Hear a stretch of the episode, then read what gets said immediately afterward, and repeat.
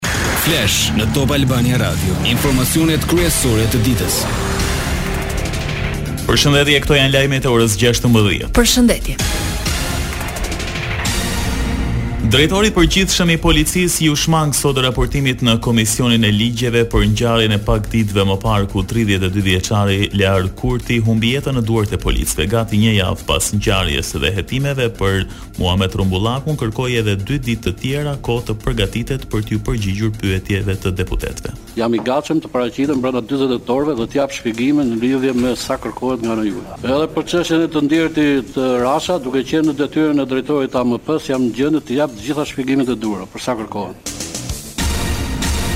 Kreu i strukturës së posaçme antikorrupsion Arben Kraja konfirmoi se gjyqtarë dhe prokurorë të Prokurorisë së Posaçme janë kërcënuar gjatë hetimit të çështjeve të vështira. I pyetur nga gazetarët, Kraja theksoi se pavarësisht këtyre kërcënimeve shumica e gjyqtarëve kanë mbrojtje nga policia. Prokurorë dhe gjyqtarë të SPAK-ut kanë pa diskutim për të trajtuar çështje shumë të vështira me personazhe shumë komplekse, qoftë krimit të organizuar, por qoftë dhe personazhe zyrtarë të nivelit të lartë, të cilët ju e dini shumë mirë që janë nën hetim. Dhe në këtë kuadër ka pasur indicie që ka pasur edhe kërcënime, ka pasur edhe presione. Ju e dini që shumica e prokurorëve, por edhe gjyqtarëve të posaçëm kanë mbrojtje e cila sigurohet nga me ligj nga shteti, por secili prej tyre duke vazhduar detyrën dhe duke ushtruar funksionet ashtu siç e parashikon ligji. Ligji për ndryshimet për të drejtën e informimit për dokumentet e ish-sigurimit të shtetit, i cili u miratua me nëntëdhjetë e katër vota pro në Kuvend, sipas Petrit Vasilit nuk ka të bëjë me hapjen e dosjeve. Nga kryesia e Kuvendit, deputeti i Partisë së Lirisë tha se në seancë plenare u votua ngjallja e autoritetit të vetëvrarë të manipulimit të dosjeve. Kur pazarit Rama-Basha i duhet që të bëjë zhurmë, të shpiki Zhurma artificiale për të mos folur e për të mos u dëgjuar korrupsioni i tmerrshëm i qeverisë, shpik nisma të tilla të ashtuquajtur ligjin për hapjen e dosjeve. Është shumë e qartë që dyshja Rama-Basha me përfaqësuesit e tyre në Kuvend dhe në opozitë, në mesnatën e të enjtes, me urdhër të një emaili anonim të Sigurimit të Shtetit, votuan disa ndryshime jo për hapjen e dosjeve, po për të ringjallur autoritetin e vdekur të manipulimit dosjeve. Spak përfundoi hetimet për tjetërsimin e pronave në Lezhë, teksa ka bërë kërkesë për dërgimin në gjyq të njëmbëdhjetë ish-zyrtarëve të akuzuar për shpërdorim detyre, mes tyre Fran Frrokaj. Ish-kryebashkiaku i Partisë Demokratike akuzohet për shpërdorim detyre, ndërsa Gjykata e Lezhës më herët ka dhënë për të dënim me katër vite burg. Bëhet fjalë për tjetërsimin e rreth gjashtëdhjetë e gjashtë mijë metrave katrorë tokë në disa zona bregdetare në Lezhë me një vlerë prej rreth trembëdhjetë milionë euro.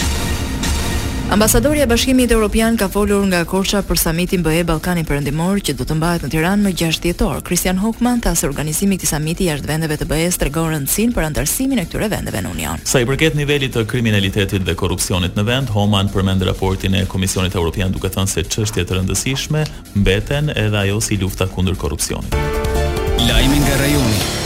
Shtetet e Bashkuara thanë se shpresojnë që Kosova dhe Serbia të zgjidhin çështjen e targave në mënyrë paqësore gjatë ditëve në vijim. Zëdhënësi i Departamentit Amerikan të Shtetit, Ned Price, tha se si i dërguari i Uashingtonit për Ballkanin Perëndimor, Gabriel Escobar, por edhe Sekretari i Shtetit Antony Blinken janë të angazhuar që Kosova dhe Serbia të zgjidhin mosmarrëveshjet. SHBA-ja mbështet dialogun për normalizimin e raporteve midis Kosovës dhe Serbisë, që ndërmjetësohet nga Bashkimi Evropian, tha Price.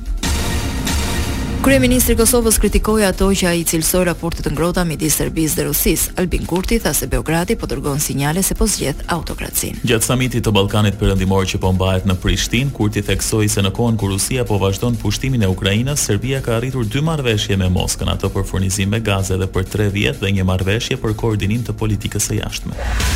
Lajme nga bota.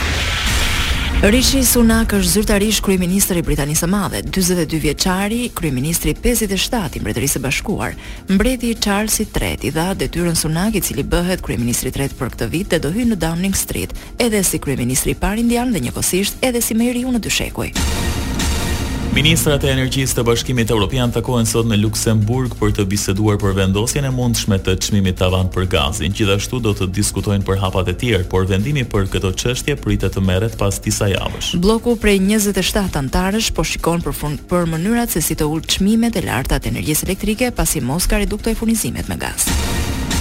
Presidenti i Gjermanisë ndodhet në Kiev në një vizitë të paparalajmëruar. Frank-Walter Steinmeier, që arriti në kryeqytetin ukrainas përmes trenit, pritet të takohet me homologun e tij ukrainas, Volodymyr Zelensky. Kjo është vizita e parë e kreut të shtetit gjerman që kur Rusia nisi pushtimin e Ukrainës më njëzet e katër shkurt, por është përpjekja e tij e tretë për të udhëtuar në Kiev, Edhe javën e kaluar Steinmeier shtyu një udhëtim të planifikuar për në Ukrainë për shkaqe sigurie. Bllokohet për rreth 2 orë WhatsApp, miliona përdorues nuk mundën të dërgojnë ose marrin mesazhe në platformën e mesazheve në pronësi të Metas. Faqja e internetit Down Detector, që gjurmon ndërprerjet në internet në të gjithë globin, tregoi rritje të numrit të përdoruesve që raportonin ndërprerjen e aplikacionit. WhatsApp hasi probleme edhe në vendin tonë.